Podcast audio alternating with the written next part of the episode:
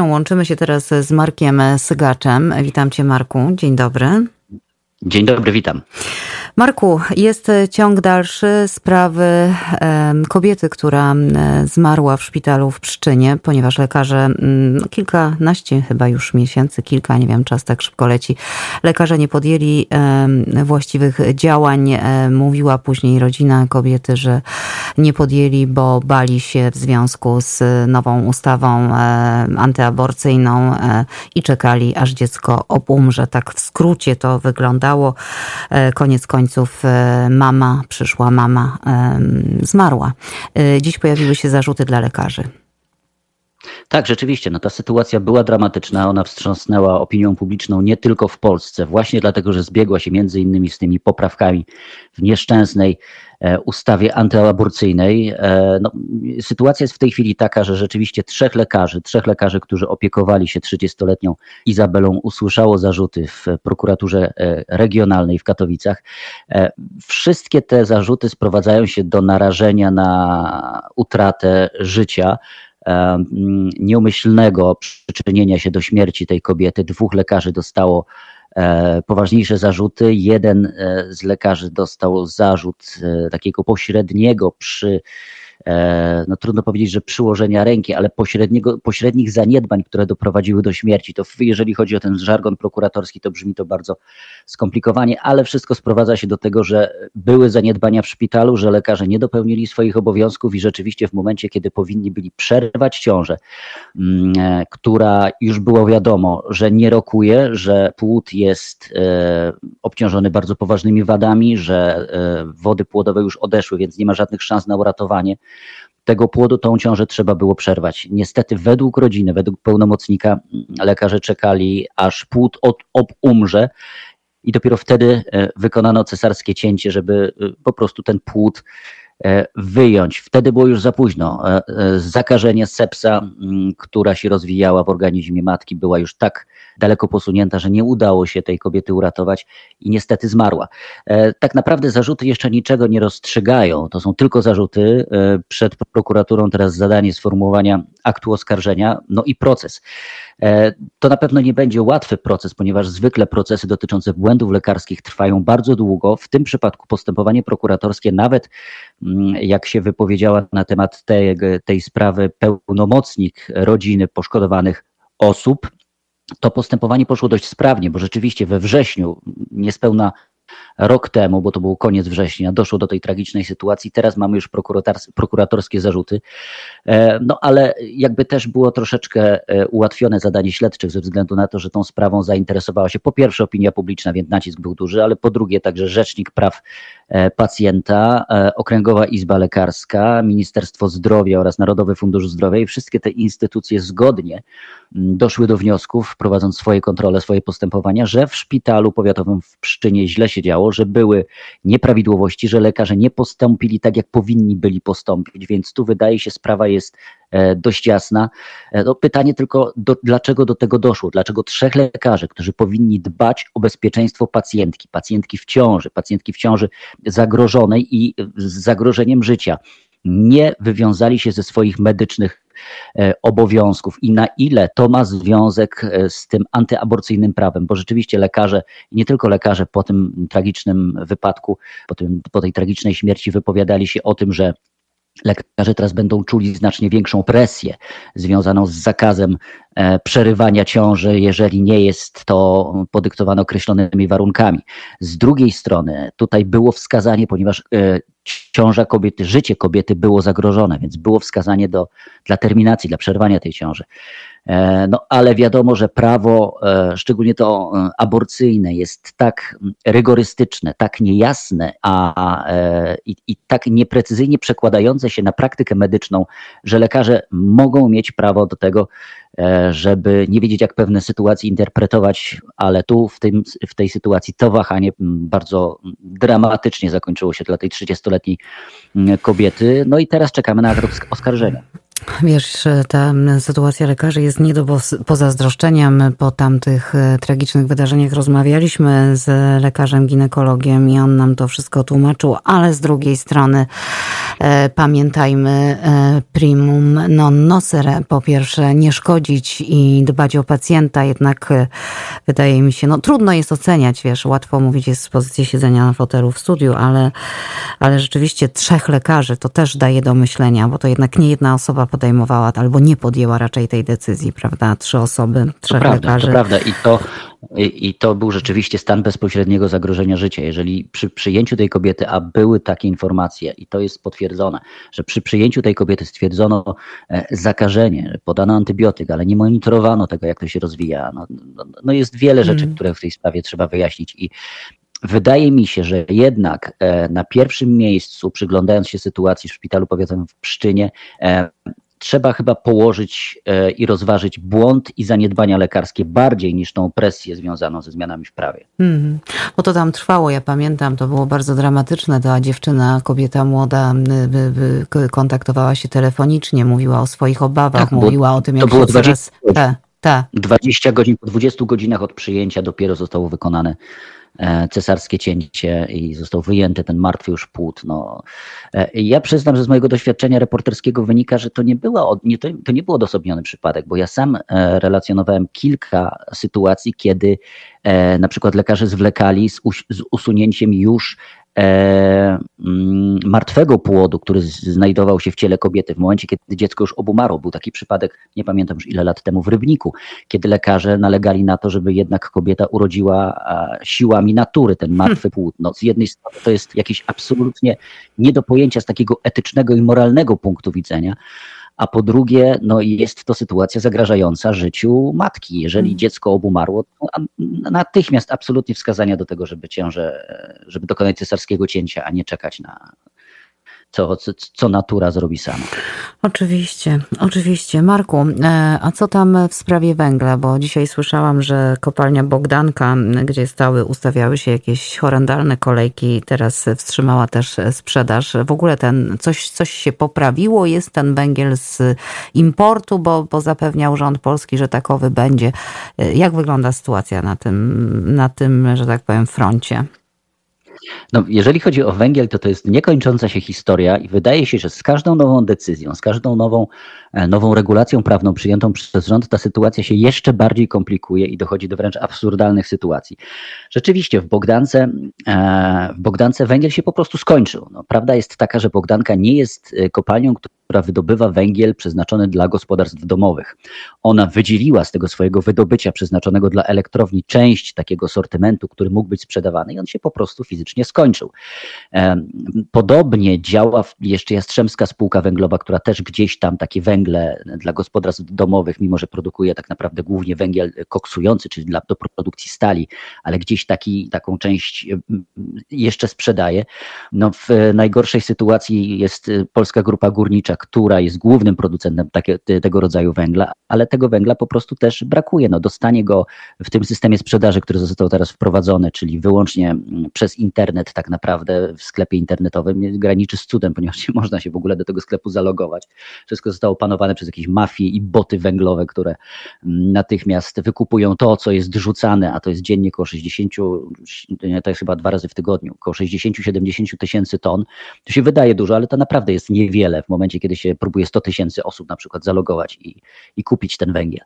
Więc problem jest, e, no i oczywiście te zapowiedzi, które mówią o tym, że płynie, że zakontraktowano 7 e, czy w sumie 13 milionów ton węgla i ten węgiel płynie, to, to absolutnie w żaden sposób nie przekłada się na zaopatrzenie na składach węglowych, bo na składach węglowych węgla nie ma. E, mówienie, że węgiel płynie i że on został zamówiony, to jest taka może nie nieprawda, ale półprawda, ponieważ ten węgiel e, to jest e, taki asortyment, który nie nadaje się w całości do, e, do użytku indywidualnego przez takiego zwykłego Kowalskiego, który pali sobie w piecu. Ten węgiel musi być sortowany i tylko część tego sortymentu nadaje się do, do takiego użytku domowego. Jak się okazuje, jak pokazują już teraz pierwsze przypadki, kiedy te, te, te, ten kolumbijski węgiel jest wy, wypakowywany w polskich portach, że to jest tylko ułamek tego transportu. Więc węgla z całą pewnością zabraknie, niezależnie od tego, co mówi rząd i w jaki sposób o tym mówi, to będzie z tym duży problem i ten problem będzie się rozwijał i, i, i, w tej chwili już widać, że są problemy, a jeszcze nie ma, tak naprawdę jeszcze nie, nie ma tak niskich temperatur, żeby ludzie zaczynali palić w piecach. Więc e, to będzie na pewno duży problem w najbliższym czasie i nie rozwiąże tego mm, import, nie rozwiążą tego statki, które płyną albo są gdzieś tam ładowane dopiero w świecie, bo e, tak naprawdę te ruchy trzeba było wykonywać pół roku wcześniej e, albo, albo nawet w momencie, kiedy zapadła decyzja o tym, żeby zrezygnować z importu węgla, węgla rosyjskiego. No nie było tego backupu surowcowego, no i teraz to niestety będzie widoczne. Natomiast no, wszystkie, wszelkie próby e, regulacji handlu e, tym, tym surowcem przez Polską Grupę Górniczą, czyli tak naprawdę przez rząd, bo to jest spółka Skarbu, Skarbu Państwa, no, muszą być skazane na, niepowod, na niepowodzenie, ponieważ no, regulować handel można w przypadku, kiedy jest no, kiedy jest ten towar, który chcemy regulować. Jeżeli go nie ma, to żadne regulacje nie pomogą. Czyli bałagan, czyli będzie chłodno, a Marku, czy będzie głodno? Właśnie w tym momencie wyskoczyła informacja o tym, że Rada Polityki Pieniężnej podniosła e, po raz kolejny e, stopy procentowe, tym razem o 25 punktów e, bazowych. W zeszłym tygodniu dowiedzieliśmy się, że inflacja wynosi już ponad 16%.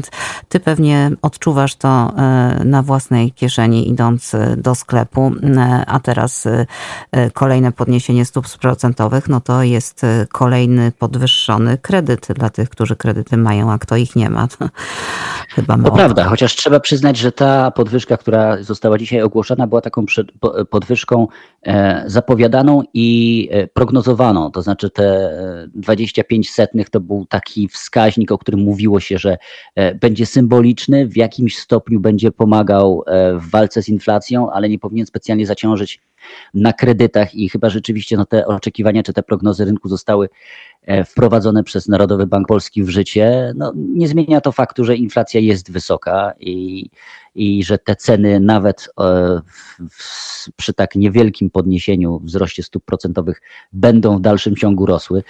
E, no, ale to też pokazuje jedno, że tak naprawdę te kolejne ruchy z podniesieniem stóp procentowych są mocno spóźnione i, i, i tak jak z węglem, gdyby, gdyby się za to wzięto już dużo wcześniej, rok temu, gdyby ta inflacja była duszona e, w ten sposób, no to być może mielibyśmy teraz tego efekty, a na razie e, no, mamy ciągle rosnącą inflację i rosnące ceny. No tak, ale to wszystko ma jeden wspólny y, mianownik, krótkowzroczność, brak przewidywania. E, wygląda na to, że polski rząd reaguje dopiero i to zwykle z opóźnieniem, zamiast przeciwdziałać wcześniej. Zostawimy już sytuację ekonomiczną w Polsce, bo jutro będziemy mieli, jak czytam o 15 kolejny stand-up prezesa profesora Glapińskiego, więc on będzie oceniał e, bieżącą sytuację ekonomiczną w Polsce. Dla nas, Marku, a ja Cię teraz poproszę o ocenę tego, co dzieje się w Ukrainie. E, no, na to, co dzieje się w Ukrainie, można patrzeć z delikatnym optymizmem. Biorąc pod uwagę ruchy wojsk na południu i na wschodzie, czyli to, co dzieje się w obwodzie, mm, wschodnich obwodach, czyli na Donbasie i w okolicach e, Charkowa e, oraz to, co dzieje się w okolicach e, na południu, czyli tam obwód hersoński, daje nadzieję, może nie na rychłe zakończenie wojny, bo do tego jest z całą pewnością jeszcze daleko, ale pokazuje, że Ukraińcy mają inicjatywę i tego na razie, i to na razie trudno jest przez e, siły rosyjskie zmienić. Jakie mogą być tego konsekwencje? No, to, że są te delikatne e, ruchy, no, trzeba wziąć pod uwagę, pod uwagę, że to są potężne obszary i jeżeli my, którzy jesteśmy przyzwyczajeni do oglądania filmów wojennych, gdzie wszystko się rozstrzyga i rozwiązuje bardzo szybko, no to w tym przypadku jest inaczej. Taka e, kontrofensywa e, może się rozwijać tygodniami, a nawet miesiącami, zanim przyniesie konkretne efekty, ale przejmowanie nawet pojedynczych wiosek, pojedynczych niewielkich miejscowości e, ma swoje znaczenie. Po pierwsze z punktu widzenia Ukrainy, a po drugie e, z punktu widzenia rosyjskiego morale. Dochodzą informacje o tym, że Rosjanie rzeczywiście porzucają swoje pozycje, że nie chcą walczyć, że uciekają z, z tych miejscowości, czy zostawiają je nawet. No ale to też pytanie, na ile to załamanie morale może wpłynąć na zdolności obronne czy zdolności ofensywne Rosji. Chociaż tak naprawdę eksperci, eksperci mówią o tym, że, ty, że Rosja w tym momencie zdolności ofensywne straciła. No i teraz tak, mamy tą rozwijającą się kontrofensywę na południu, w stronę Hersonia. Hersoń to jest duże miasto, 300 tysięczne. Przed wojną było 300 tysięczne. E, w tej chwili całkowicie kontrolowane przez Rosję. 11, e, czyli już niebawem, tam Rosjanie zaplanowali to referendum, które miałoby legitymizować nową władzę. Już teraz wiadomo, że to referendum się raczej nie odbędzie, bo nie ma takiej możliwości. Ukraińcy skutecznie w tym, e, w tym przeszkadzają, także prowadzą działania partyzanckie ale e, no, pytanie, co w momencie, kiedy Ukraińcy podejdą pod e, sam Hersoń, e, bo to już zostało naprawdę niewiele, te, te nieduża odległość. Czy dojdzie do walk o miasto, czy to miasto zostanie poddane? No, trudno mi wyobrazić sobie, że Rosjanie się z Hersonia wycofają, bo to był, to był to jest taki sztandarowy sukces tej wojny poza Mariupolem. E, natomiast jeżeli stracą Hersoń, no to będziemy mieli e, zdecydowany punkt przełomowy tej wojny. Co ciekawe, Ukraińcy już kilka miesięcy temu, mniej więcej 3-4 miesiące temu, wywiad mówił o tym, że druga połowa sierpnia to będzie ten czas przesilenia na froncie i wygląda na to, że jesteśmy świadkami tego właśnie przesilenia. No, do tego dochodzą te informacje, które nas cieszą, to znaczy informacje o tym, że e, dowódcy wojskowi są odsuwani od swoich obowiązków w Moskwie. Były informacje o tym, że minister, minister, minister obrony narodowej Siergiej Szojgu został przez, przez Putina odsunięty od prowadzenia e, tej ofensywy. Wprawdzie Moskwa próbowała to w jakiś sposób dementować. Na przykład film się pojawił wczoraj w sieci, film z Władywostoku, gdzie wspólnie trzej panowie czyli szef sztabu e, wojskowego, e, Gerasimow, e, Putin i Szojgu siedzą przy wspólnym stole i, i, i, obserwują gry wojenne czy ćwiczenia, które, które akurat się w tym momencie odbywają, ale chłód, jaki bił od tych panów, taki wzajemny, raczej wskazuje na to, że robili dobrą minę do złej gry. No, oby ta zła gra z ich strony utrzymywała się jak najdłużej. Mm -hmm. No tak, pewnych rzeczy się nie da zataić, prawda? Wiemy, że ta wojna informacyjna też trwa. No, Ukraińcy mówią to, co korzystne dla nich, Rosjanie odwrotnie, ale pewne ruchy, które się odbywają, to o czym mówisz, odsuwanie dowódców i chociażby e, takie e, zdjęcia, o, o, których wspomniałeś, no, pokazują, e, co się dzieje naprawdę. Trzymamy kciuki, no bo co my możemy zrobić? No, wspierać Ukrainę. To prawda, no, patrząc, to co możemy powiedzieć jakby to, co się wyłania z tej mgły informacyjnej, to z całą pewnością sytuacja taka, że e, w tej chwili inicjatywa jest po stronie ukraińskiej, a, a siły rosyjskie nie mają siły, do, nie mają możliwości prowadzenia e, ataku na szeroką skalę. I to jest dobra wiadomość. Mm -hmm. Pięknie i tym zakończymy. Dziękuję Ci bardzo, Marku. Do usłyszenia bardzo za tydzień. Dziękuję. Marek dziękuję, Sygacz zwykle pojawia się u nas w środę o godzinie 9.30. Mam nadzieję, że za tydzień znowu. E, również w drugą środę, przypominam, e, po południu e, strefa konfliktu. Czekamy na nią z niecierpliwością.